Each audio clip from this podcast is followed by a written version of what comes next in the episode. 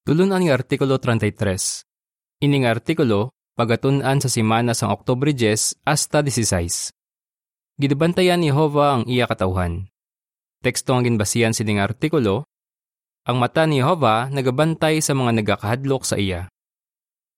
Salmo 33.18 Ambahanon 4 Si Jehova ang akon manugbantay. Ang binagbinagon sa sining artikulo. Kinanglan nato ng bulig ni Jehova para masarangan nato ng aton mga problema subong. Ipahanumdum sa aton sining artikulo nga ginabantayan ni Jehova ang iya katauhan. Kabalo siya kung ano nga mga problema ang ginabatas ang kada isa sa aton, kag buligan niya kita nga masarangan ini. Para po uno pamangkot. Nga nga bay si Jesus kay Jehova nga bantayan ng iya mga sumulunod? Sang gabi antes na patay si Jesus, may pinasay siya nga pangabay siya may sa langit. Nangabay siya kay Jehova nga bantayan ng iya mga sumulunod. Halin sang una, gidabantayan gid ni Jehova ang iya katawhan, o kung ginatipan niya sila kaginamligan. Pero kabalo si Jesus nga maka-experience siya ang iya mga sumulunod sang grabe nga pagpamatok halin kay Satanas. Kabalo man si Jesus nga kinanglan nila ang bulig ni Jehova para masarangan nila ang mapintas nga mga pagsalakay sang yawa para po dos pamangkot. Suno sa Salmo 33.18 hasta 20, nga hindi kita dapat mahadlok kung may problema kita. Bangod ginakontrol ni Satanas ini nga kalibutan, madamo ang problema sang matuod nga mga Kristiyano subong. May mga problema nga posible magpaluya sang aton buot, kag posible magtilaw sang aton katutom kay Jehova. Pero binagbinagon naton sa sining artikulo nga hindi kita dapat mahadlok ginabantayan kita ni Jehova. Buot silingon, nakita niya ang aton mga problema, kaghanda gid siya permi nga buligan kita. Binagbinagon nato ng duwa ka halimbawa sa Biblia nga nagapakita ang ginabantayan ni Jehova ang mga nagakadlok sa iya. Ang Salmo 33:18 hasta 20 nagasiling. Ang mata ni Jehova nagabantay sa mga nagakadlok sa iya. Sa mga nagasalig sa iya may nunungon nga gugma, agud luwason sila sa kamatayon kag agud amligan sila sa tion sang tigulutom. Nagalaom kami kay Jehova. Siya ang nagabulig sa amon kag amon taming. Kun pamatsyag naton nagaisanon lang kita. Para po tres pamangkot. Sa ano nga mga tion posible magbatsyag kita nga nagaisahanon lang kita. Bisan pa madamo kita sang kauturan sa kongregasyon, may mga tion nga pamatsyag naton nagaisahanon lang kita. Halimbawa, posible magbatsyag ang mga pamatanon nga nagaisahanon lang sila kung ginapathag nila ang ilang mga ginapatihan sa ilang mga classmate o kung, kung magsaylo sila sang kongregasyon. Posible nga subuan o kung na-depress ang pila sa aton, kag pamatsyag naton dapat naton inibatason nga nagaisahanon. Posible nga nagalang-alang kita nga isugid sa iba ng aton ginabatsyag kay base hindi nila kita mahangpan. Kag kun kaisa, posible ginahununa naton nga wala gid sing may nagaulikid sa aton. Madamo ang rason kung nga apamatsyag nato nagaisahanon na kita. Bangod sini, posible mabalaka kita, kag hunaon naton nga wala nagid kita sang mahimo. Hindi gusto ni Jehovah nga amo sini ang mabatsyagan naton. Nga masiling naton ini? Para po kwatro pamangkot. Nga nagsiling si manalag na Elias, ako na lang isang nabilin. Binagbinagang halimbawa ni Elias nga matutom nga alagad sang Diyos. Sobra na 40 kaadlaw nga nagapalagyo siya bangod gusto siya patyo ni Jezebel. Sang ulihi, sang nagaisanon siya sa isa ka kuweba, ginsilingan niya si Hova. Ako na lang manalag na ang nabilin. Unang hari 19.10 Pero may iban pa nga mga manalagna. Halimbawa, may sin ka manalagna nga wala na patay ni Jezebel bangod ginluwa sila ni Obadias. Ti nga pamatsyag ni Elias nagaisano na lang siya? Nauna-una bala niya nga napatay na ang tanan nga manalagna nga ginluwas ni Obadias? O kung bangod bala wala sing may nagupod sa iya sa pagalagad kay Hova, bisan pagin pamatud-an ni Hova sa Bukid Carmel nga siyang matud nga Dios? Pamatsyag bala niya wala sing may nakabalo nga gusto siya patyon sang iya mga kaaway?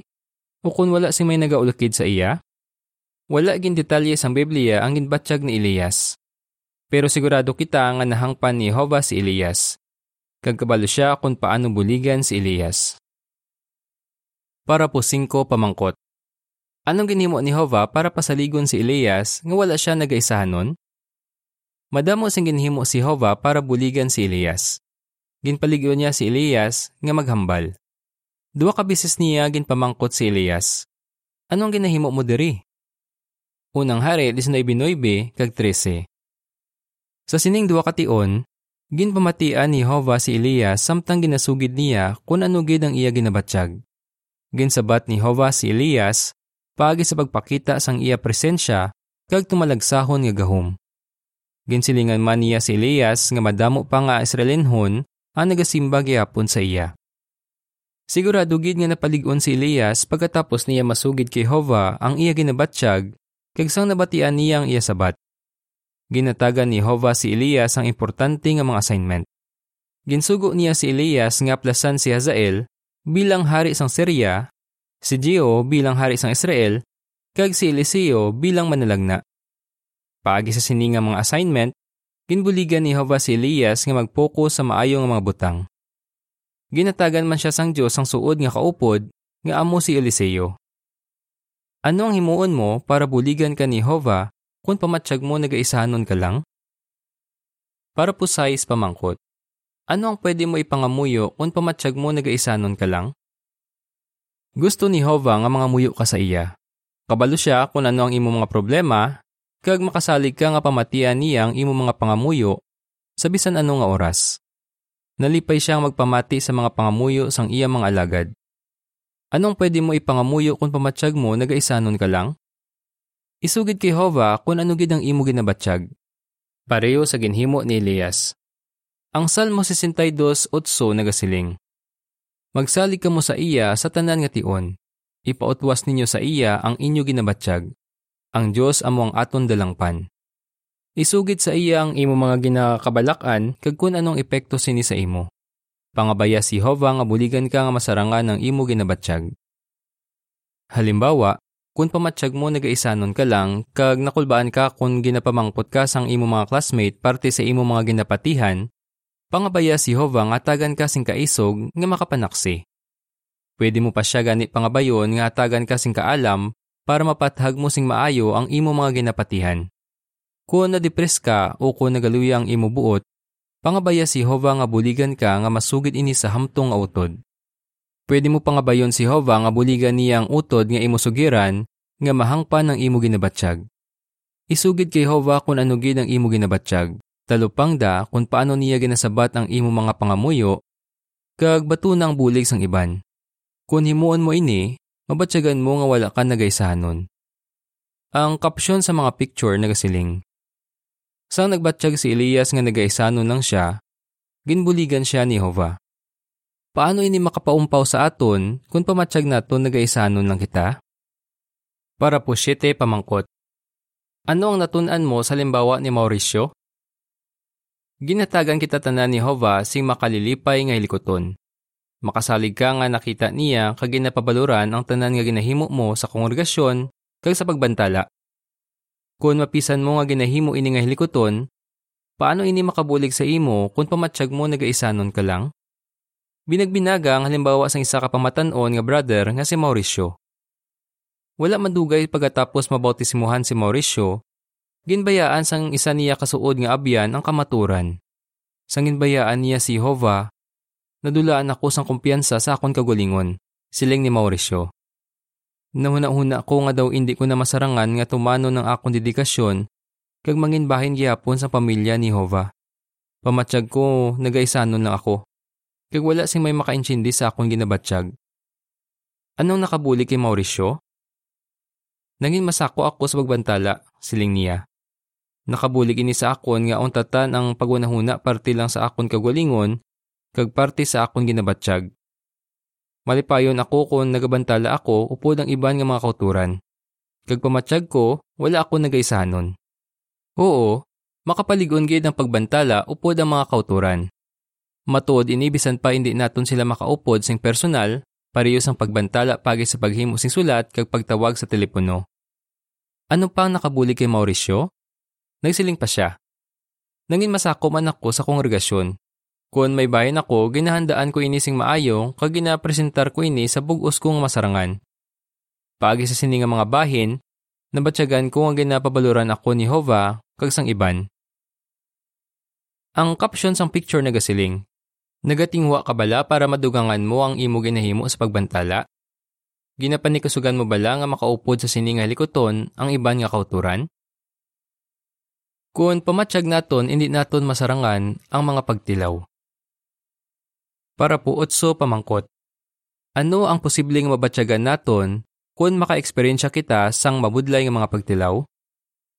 Kabalo kita nga maka-eksperyensya gid kita sang mga pagtilaw sa sining katapusan nga mga adlaw. Pero, posible nga makibot gyapon kita kay wala kita kabalo kung sano kita maka-eksperyensya sang pagtilaw kag kung ano ini nga klase sang pagtilaw.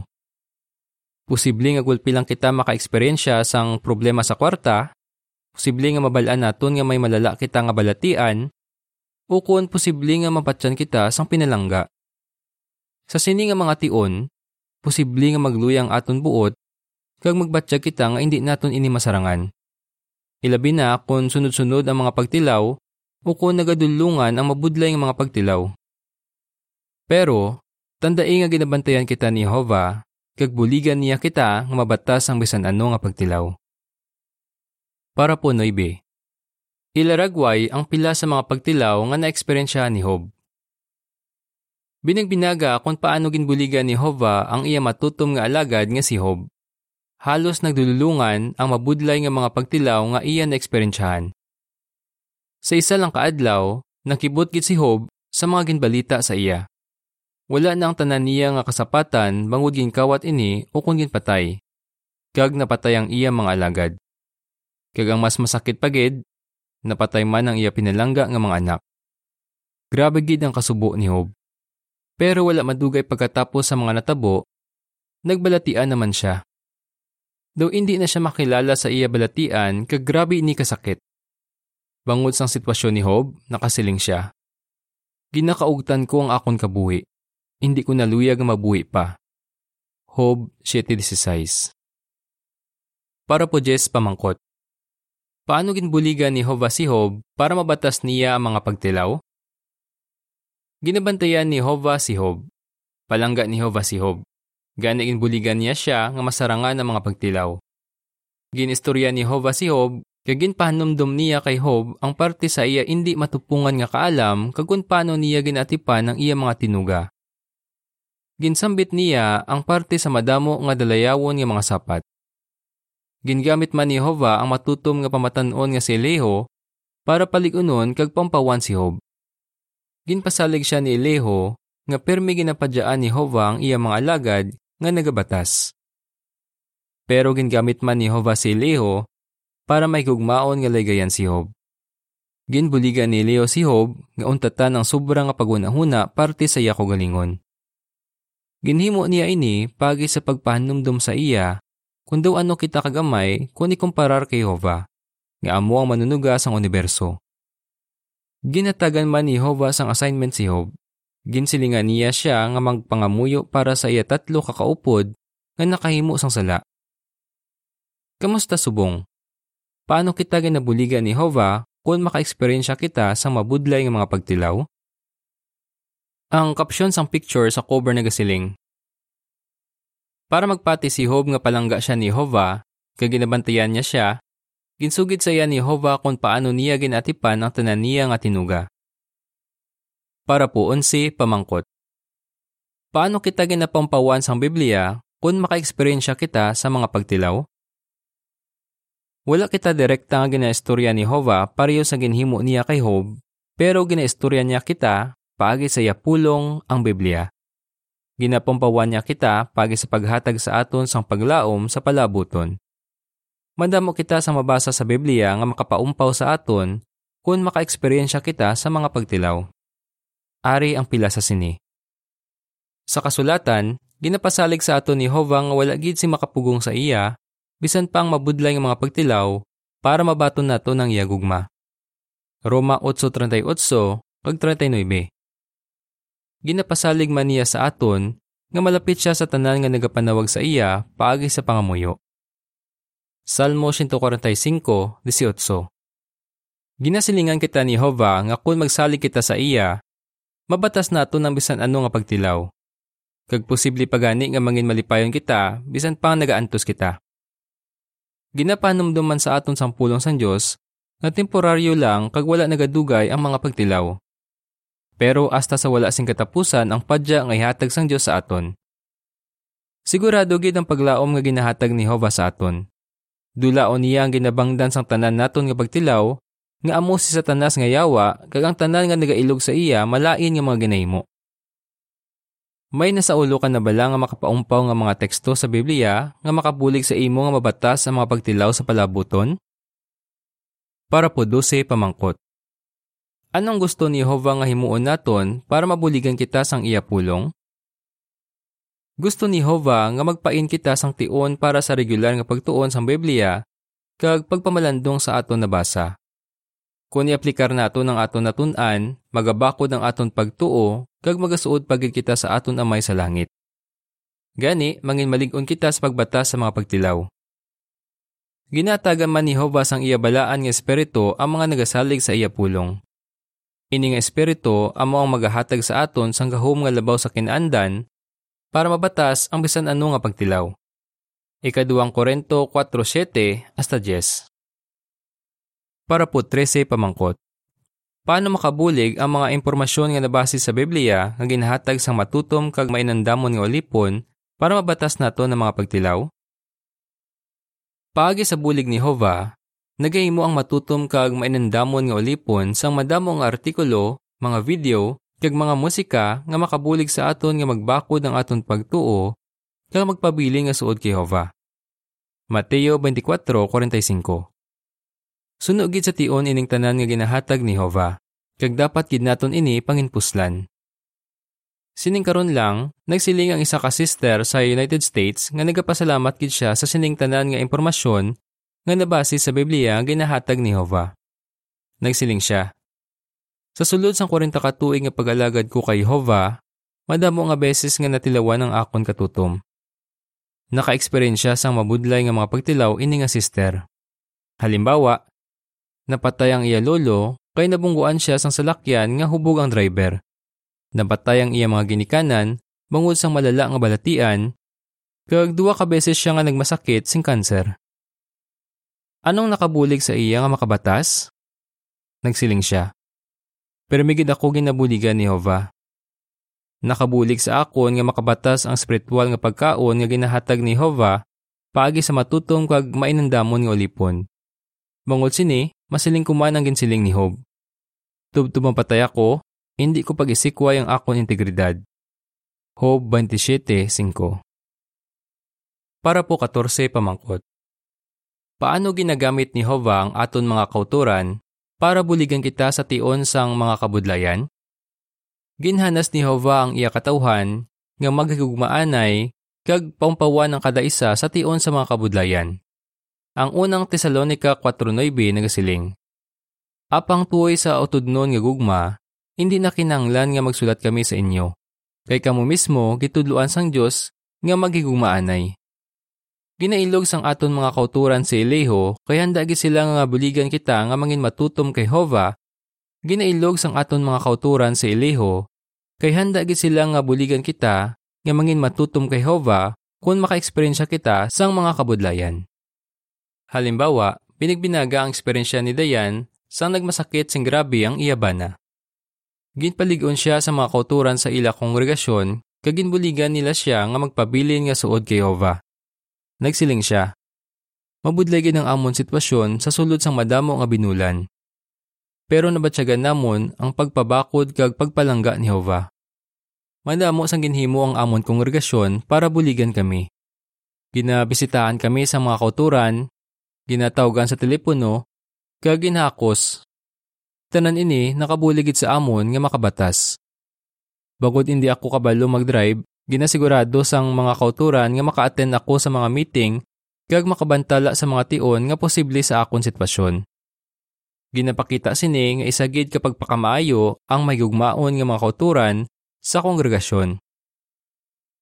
Ang caption sa picture nagasiling. Ano ang pwede naton nga himuon para makabuli kita sa iban nga kauturan sa kongregasyon? Nagapasalamat gid kita sa pagpalangga kag pagbantay ni Hova. Para po 15 pamangkot. Nga kumbinsido kita nga masarangan nato ng mga kabudlayan. Maka-experience gid kita tanan sa pagtilaw. Pero natun-an naton nga hindi gid matabo nga magaisahanon lang kita sa pagbata sini. Kay man, ginabantayan kita permi ni Hova pariyo sa ginahimo sa isa ka may gugmaon nga amay. Kaupod naton siya. Handa siya nga pamatian ng aton mga pagpangabay sang bulig, ka gusto gid niya nga buligan kita. Kumbinsido kita nga masarangan naton ang mga kabudlayan, bangod ginatagan niya kita sang tanan naton nga kinanglanon para makabatas.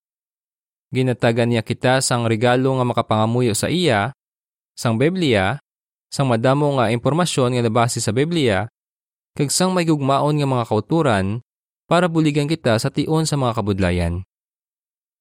Para po 16. Pamangkot. Anong himuon naton para bantayan kita permi ni Jehova? Nalipay kita kay may ara kita amay sa langit nga nagabantay sa aton. Nagakasadya kita tungod sa iya. Salmo 33:21 Kung ginapanginpuslan naton ang tanan nga ginahatag ni Jehova para buligan kita, ginapakita naton nga nagapasalamat kita sa iya pagpalangga kag pagbantay. Pero may dapat kita himuon para bantayan kita permi sang Dios. Dapat padayon naton nga tumanon si Jehova, ag dapat naton himuon ang husto sa iya panulok. Kung himuon naton ini sa bugos naton nga masarangan, bantayan niya kita hasta sa wala sing katapusan. Ano ang imo sabat? Paano kita ginabuligan ni Hova kung pamatsyag nato nagaisanon lang kita? Paano kita ginabuligan ni Hova kung pamatsyag naton hindi naton masarangan ang mabudlay nga mga pagtilaw? Nga nagapasalamat gid kita sa pagpalangga kag pagbantay ni Hova? Ambahanon 30 Ako namay akon Diyos kag abyan. Diri natapos ang artikulo.